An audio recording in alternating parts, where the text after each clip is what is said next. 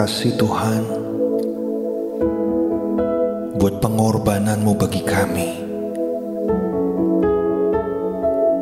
Buat darahmu yang tercurah bagi setiap kami Tuhan. Buat hidupmu yang kau berikan bagi setiap kami. Sehingga kematianmu Tuhan menghidupkan kami. Kasih. Terima kasih Tuhan.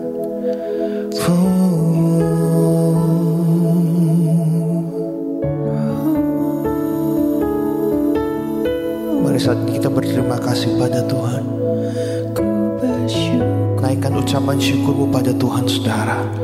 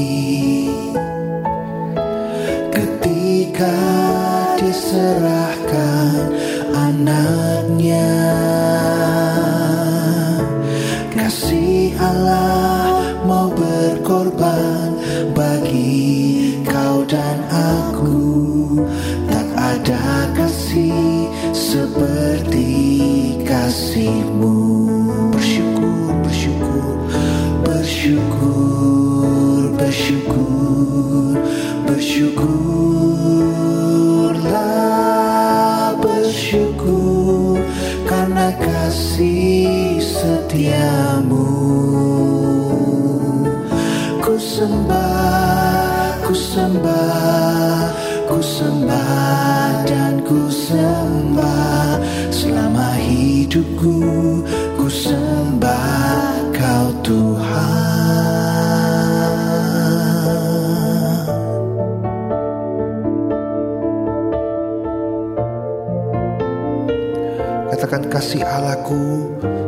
telah terbukti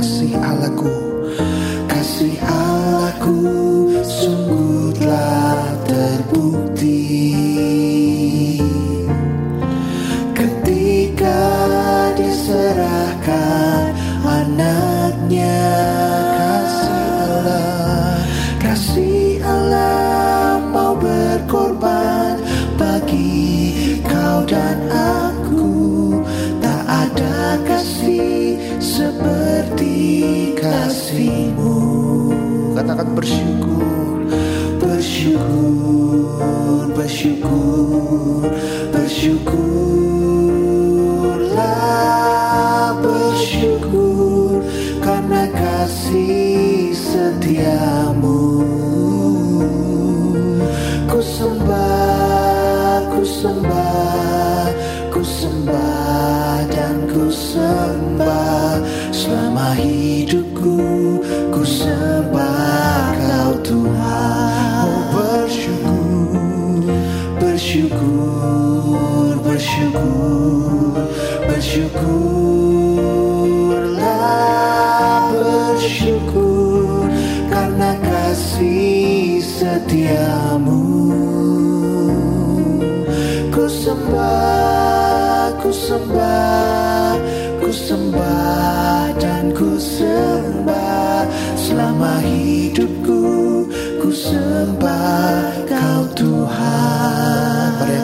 saudara katakan pada Tuhan Bersyukur, bersyukurlah.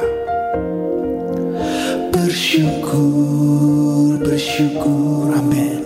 Bersyukurlah, bersyukur Karena kasih setiamu. Kami sembah kau Ku sembah, ku sembah Ku sembah dan ku sembah Selama hidupku Ku sembah kau Tuhan. Bersyukur, bersyukur, bersyukur. Bersyukurlah,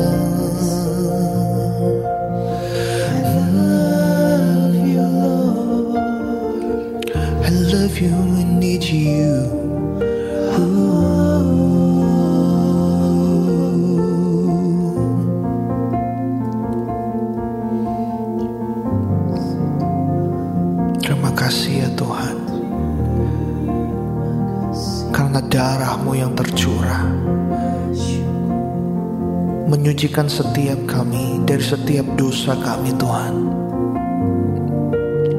Karena pengorbananmu Karena kematianmu di kayu salib bagi setiap kami. Menghidupkan setiap kami saat ini ya Tuhan.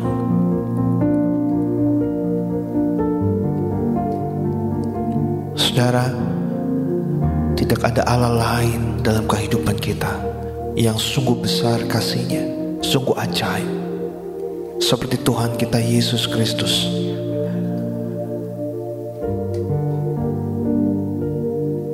Lewat curahan darahnya di Kalvari. Menjadikan setiap kita berharga di matanya. Bahkan setiap kita dilayakan untuk memanggil dia, ya Aba, ya Bapa. Hidup kami menjadi milikmu ya Bapa, Karena itu Bapak, kami mau abdikan kehidupan kami hanya untuk memuliakan namamu ya Bapa. Terima kasih Bapak.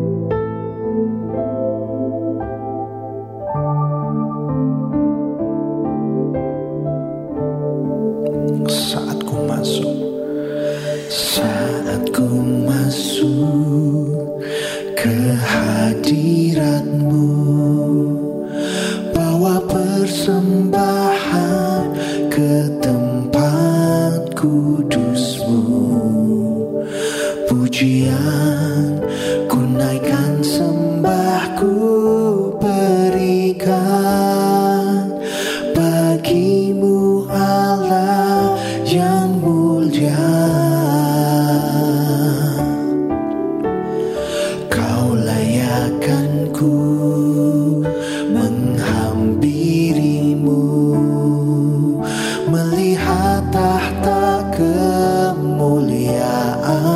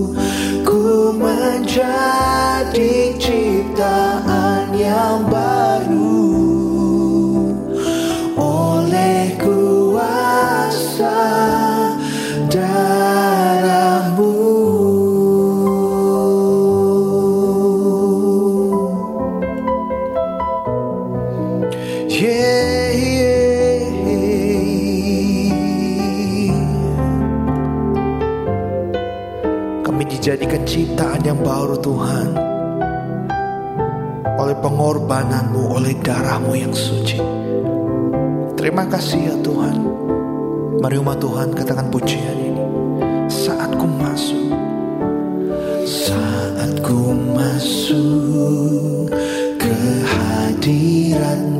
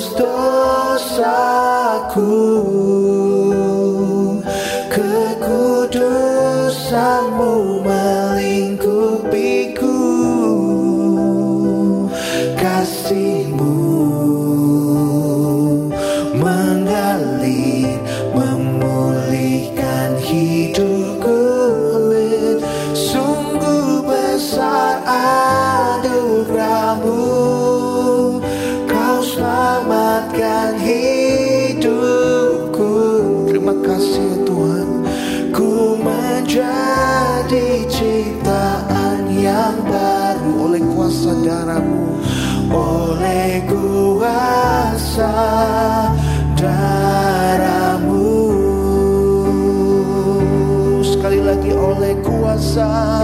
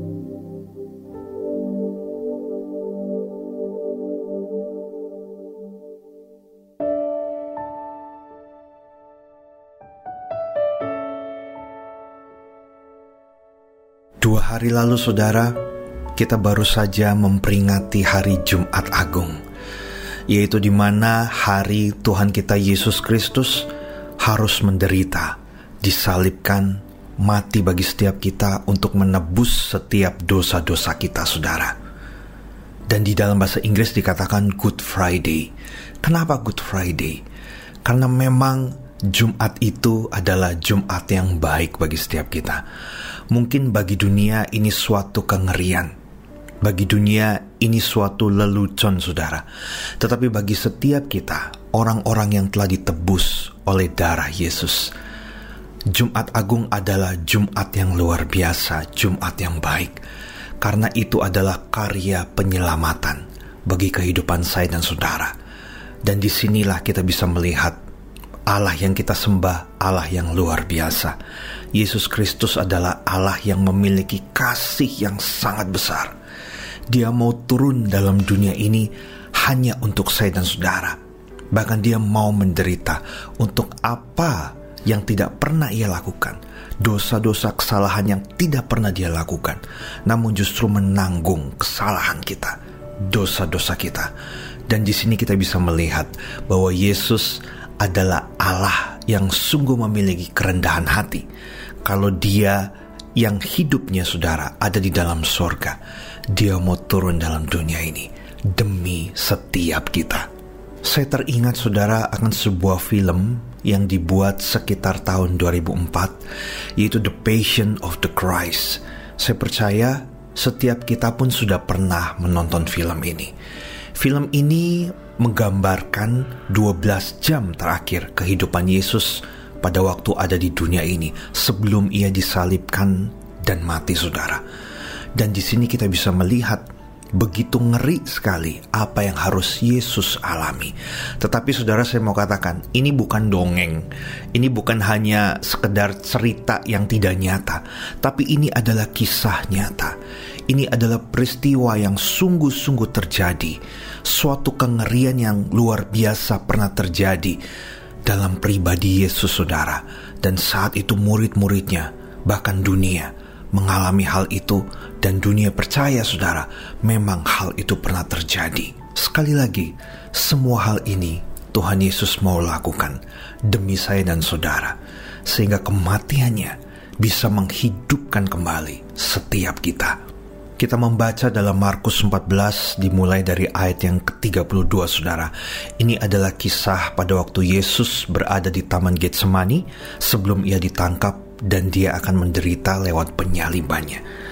Lalu sampailah Yesus dan murid-muridnya ke suatu tempat yang bernama Getsemani. Kata Yesus kepada murid-muridnya, "Duduklah di sini sementara aku berdoa." Dan ia membawa Petrus, Yakobus, dan Yohanes sertanya. Ia sangat takut dan gentar. Lalu katanya kepada mereka, "Hatiku sangat sedih, seperti mau mati rasanya." Tinggallah di sini dan berjaga-jagalah. Ia maju sedikit, merebahkan diri ke tanah, dan berdoa supaya sekiranya mungkin saat itu lalu daripadanya. Katanya, "Ya Aba, ya Bapa, tidak ada yang mustahil bagimu. Ambillah cawan ini daripadaku, tetapi janganlah apa yang aku kehendaki, melainkan apa yang engkau kehendaki." Semenjak manusia telah jatuh dalam dosa, saudara, kalau kita mau berbicara tentang keadilan, karena Allah kita adalah Allah yang adil, saudara, maka seharusnya yang menerima hukuman sepenuhnya adalah manusia yang telah jatuh dalam dosa. Tetapi kita bisa melihat Allah kita memiliki kasih yang besar, sehingga saudara, Ia menolong manusia, Ia merendahkan dirinya untuk bertemu dengan manusia ke dalam dunia ini menggantikan setiap kita dan berkorban bagi kita saudara. Ini Allah yang luar biasa. Saya percaya tidak pernah ada Allah lain di dalam dunia ini, bahkan pribadi siapa pun saudara, yang memiliki kasih yang sangat besar seperti ini. Mau menggantikan setiap kita untuk menerima hukuman saudara, mati bagi kita. Saat itu saudara, Yesus dalam rupa manusia, ia pun bisa merasakan banyak hal di dalam hatinya dalam kehidupannya. Ia wajar bisa mengalami yang namanya ketakutan, kekhawatiran, kesedihan saudara. Sampai ia berdoa kepada Bapaknya, ia meminta kalau bisa cawan ini, penderitaan ini dilalukan. Tetapi menarik Yesus tidak memaksakan kehendaknya kepada Bapaknya. Dikatakan di dalam doanya setelah itu dia berkata kepada Bapaknya, sekiranya mungkin, namun biar kehendakmu yang jadi. Ini luar biasa saudara. Ketaatan Yesus ini perlu kita contoh saudara.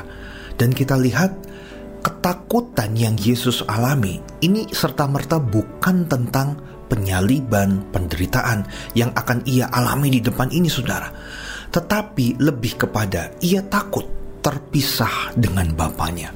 Ini luar biasa sekali. Kita harus mengerti betul saudara bahwa Allah Bapa kita adalah pribadi yang sangat kudus, sangat suci. Begitu pula dengan Yesus adalah pribadi yang sangat kudus, sangat suci. Karena itu waktu manusia jatuh dalam dosa saudara, di kejadian saudara, maka manusia tidak bisa lagi hidup bersama dengan Allah karena sudah ada dosa di dalamnya. Manusia berdosa sedangkan Allah ini sangat kudus, sangat suci, tidak berdosa. Nah, karena itu saudara, Yesus harus menanggung dosa kita. Dia yang suci, dia yang tidak berdosa, dia yang tidak bersalah, dia dijadikan berdosa, dijadikan bersalah untuk menggantikan setiap kita. Dan hal ini saudara tersirat di ayat-ayat selanjutnya. Pada waktu Yesus disalib, Yesus sampai berseru, Eli Eli lama sabaktani, yang berarti Allahku Allahku, mengapa engkau meninggalkan aku? Saat itu keadaan Yesus dijadikan berdosa, karena itu dia terpisah untuk sementara waktu dengan Allahnya saudara. Dan hal inilah yang menjadi ketakutan Yesus karena Yesus tidak pernah terpisah dengan Bapaknya, saudara. Dan ini menunjukkan betapa seriusnya Yesus memperjuangkan kehidupan kita.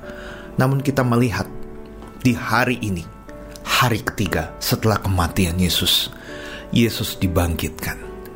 Ini satu hal yang besar saudara bagi setiap kita.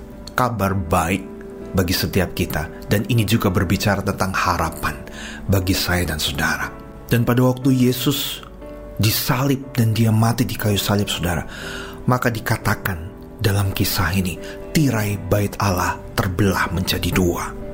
Artinya apa saudara? Tidak ada lagi pemisah antara kita dengan Allah. Hubungan kita telah didamaikan. Sehingga saudara, sama seperti saat ini yang kita lakukan, kapan pun kita mau bertemu dengan Tuhan kita, kapan pun kita mau datang kepada Tuhan kita, kita berdoa, kita mau menyembah Dia, sudah tidak ada penghalang lagi.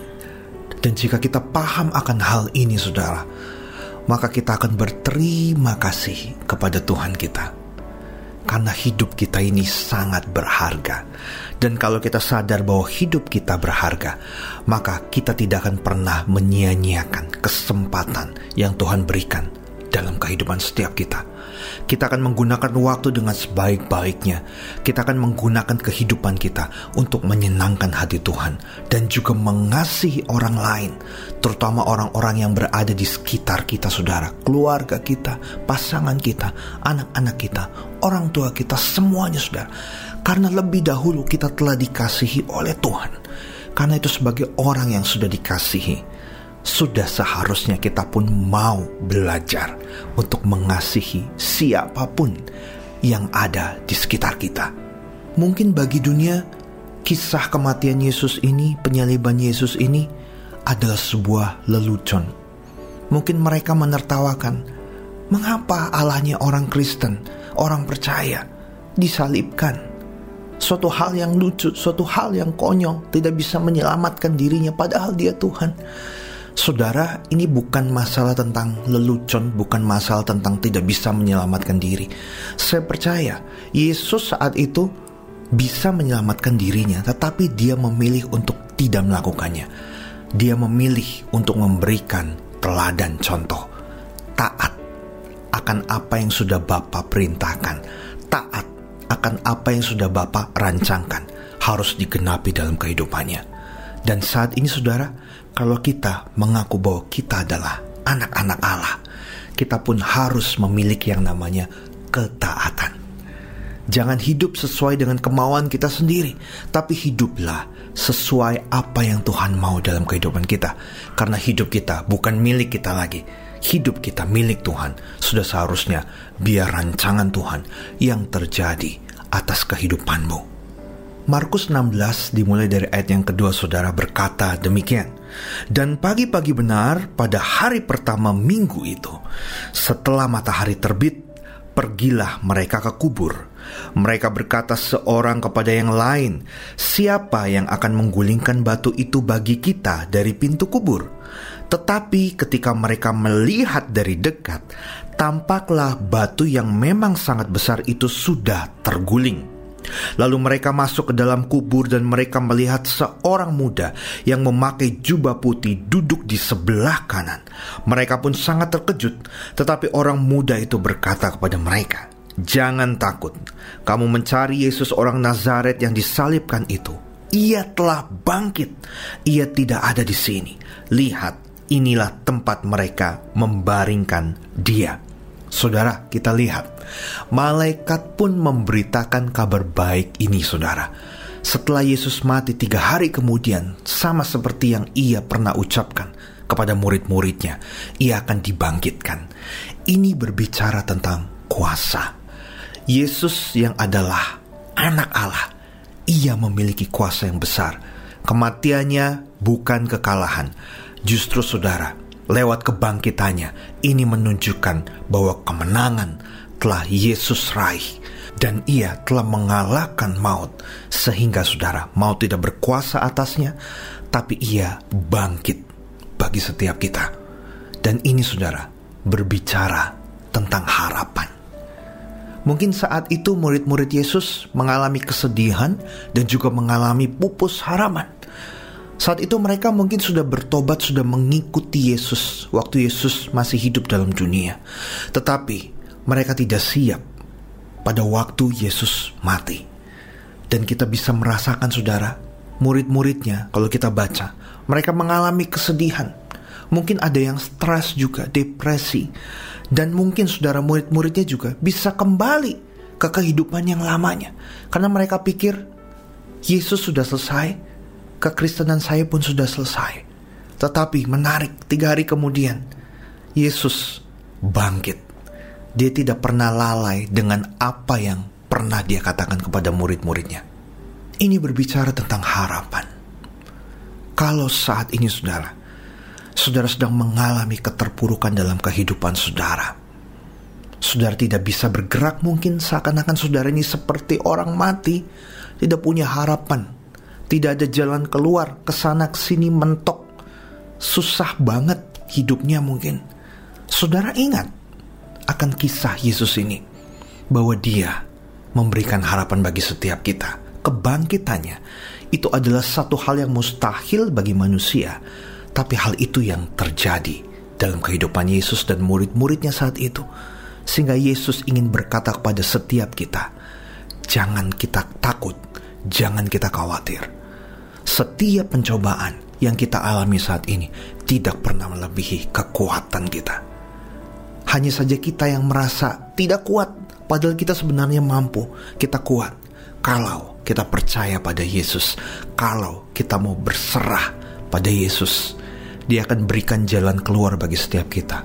Harapan selalu akan ada bagi setiap kita yang percaya kepada Tuhan dan selalu berharap pada Tuhan dari proses kehidupan yang harus dialami oleh murid-murid Yesus saat itu, mendatangkan kebaikan bagi mereka dan juga mendatangkan sukacita bagi banyak orang. Menjadi kesaksian yang luar biasa, saudara. Dan kita lihat saat ini kita pun mendengar kebenaran ini. Ini bukan hanya karena Yesus, bukan hanya karena Allah kita yang luar biasa, tapi ini juga berkat daripada murid-murid Yesus yang saat itu mereka mau mengalami Yesus dalam kehidupannya, sehingga mereka bisa menjadi saksi yang hidup, memberitakan kabar keselamatan ini ke banyak orang sampai saat ini. Saya dan saudara pun mendengarkan kisah Yesus yang hidup ini. Karena itu, saudara, lewat penderitaanmu saat ini, Tuhan mau kita bisa bersaksi. Tuhan mau Ia bekerja dalam kehidupan saya dan saudara sampai kita bisa melihat dan mengerti bahwa ujungnya selalu manis. Saat ini kita belum mengerti, saudara, mungkin apa yang harus kita lakukan. Kenapa kehidupan saya seperti ini, Tuhan?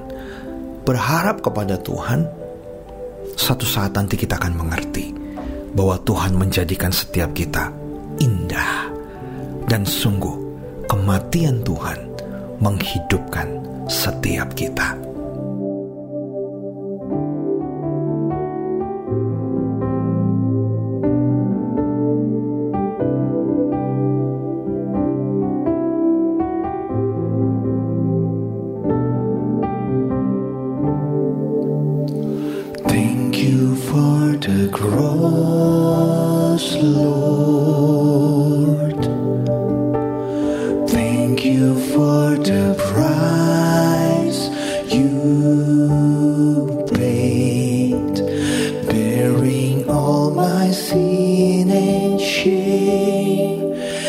love you came and gave amazing grace. Thank you for this love.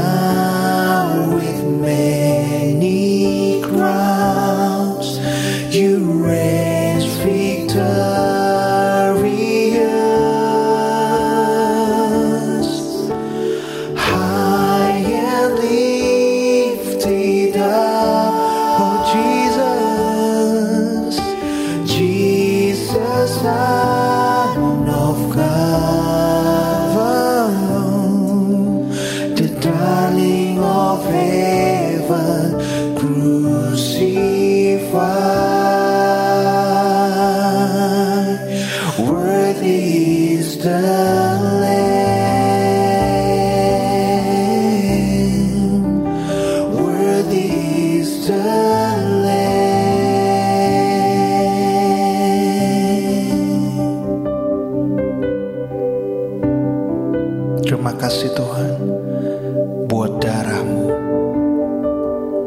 kasih Tuhan buat kayu salib yang telah kau tanggung bagi setiap kami.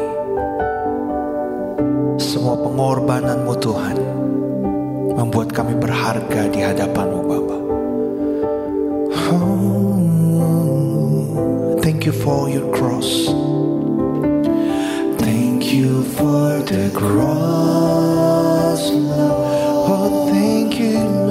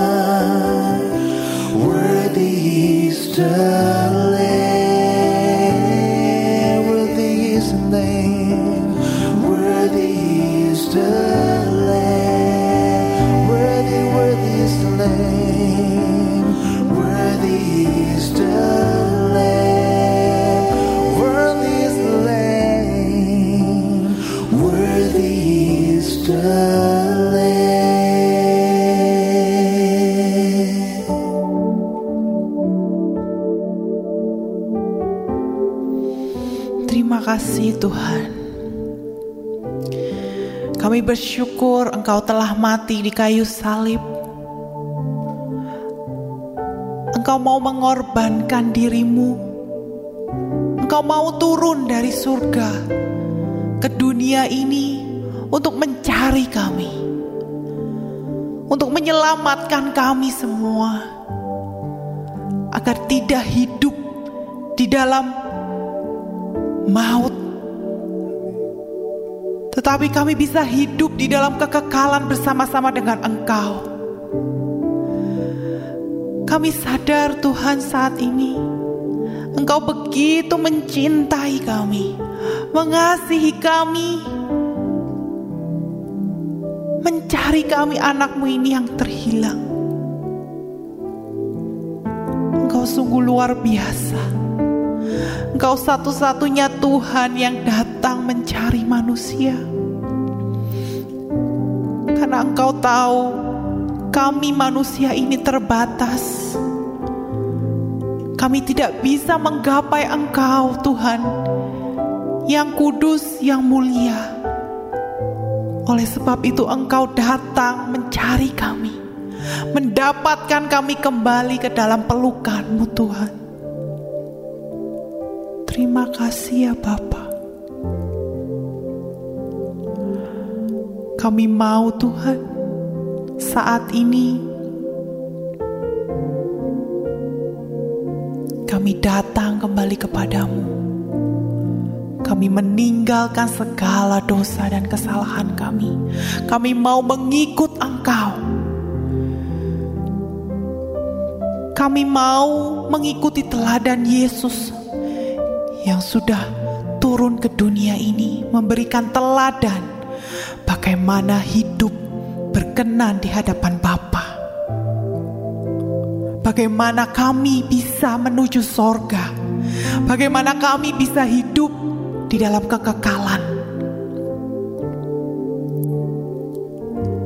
Dan terima kasih Tuhan, lewat kehadiran Yesus dan dan telah membuka kembali hubungan kami dengan Engkau ya Bapa. Engkau telah memulihkan hubungan kami. Engkau telah mengangkat kami kembali menjadi anakmu dan memanggil Engkau Aba ya Bapa. Sehingga hubungan kami bisa kembali dekat, erat, awal ketika manusia diciptakan. Kami mau Tuhan hidup kudus seturut dengan kehendak Tuhan. Kami tidak mau menyia-nyiakan keselamatan yang telah Engkau berikan. Tapi kami mau mempertahankannya, kami mau memperjuangkannya sampai titik darah penghabisan kami Tuhan. Sampai hidup kami selesai di bumi ini dan kami bertemu muka dengan Engkau di surga nanti. Kami sungguh mencintai Engkau. Kami sungguh mengasihi Engkau dengan segenap hati kami. Seluruh kehidupan kami adalah milikmu Tuhan. Inilah korban syukur kami di hadapanmu. Di dalam nama Tuhan Yesus Kristus kami berdoa. Haleluya. Amin. Mari saat ini saudara kita angkat tangan kita bersama-sama Kita akan terima berkat daripada Tuhan Kiranya berkat kasih karunia dan anugerah Tuhan Dilimpahkan dalam kehidupan saya dan saudara Amen. Mulai dari hari ini sampai selama-lamanya Amen. Dan biarlah kehidupan kita Tuhan jadikan alatnya yang luar biasa Amen. Untuk memberikan kasih, menebarkan kasih Kristus bagi banyak orang Amen sehingga kita dijadikan kepala bukan ekor. Amen. Kita menjadi teladan dan contoh bagi banyak orang-orang di sekeliling kita. Amen. Dan biarlah pertolongan Tuhan, anugerahnya tetap ada, perlindungannya tetap ada, berkat Tuhan menjadi bagian dalam kehidupan setiap kita. Amen. Mulai hari ini sampai Maranatha. Tuhan Yesus datang yang kembali di dalam nama Yesus kami percaya. Haleluya. Amin.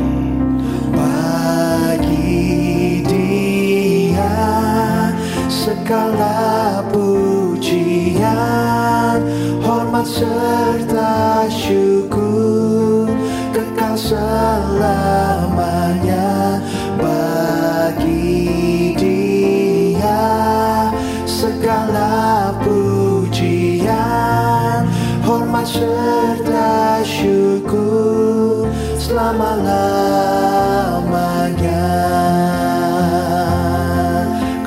bagi dia bagi dia segala pujian. Amin. Hormat serta syukur kekal selamanya bagi dia segala pujian. Hormat serta syukur. lama-lama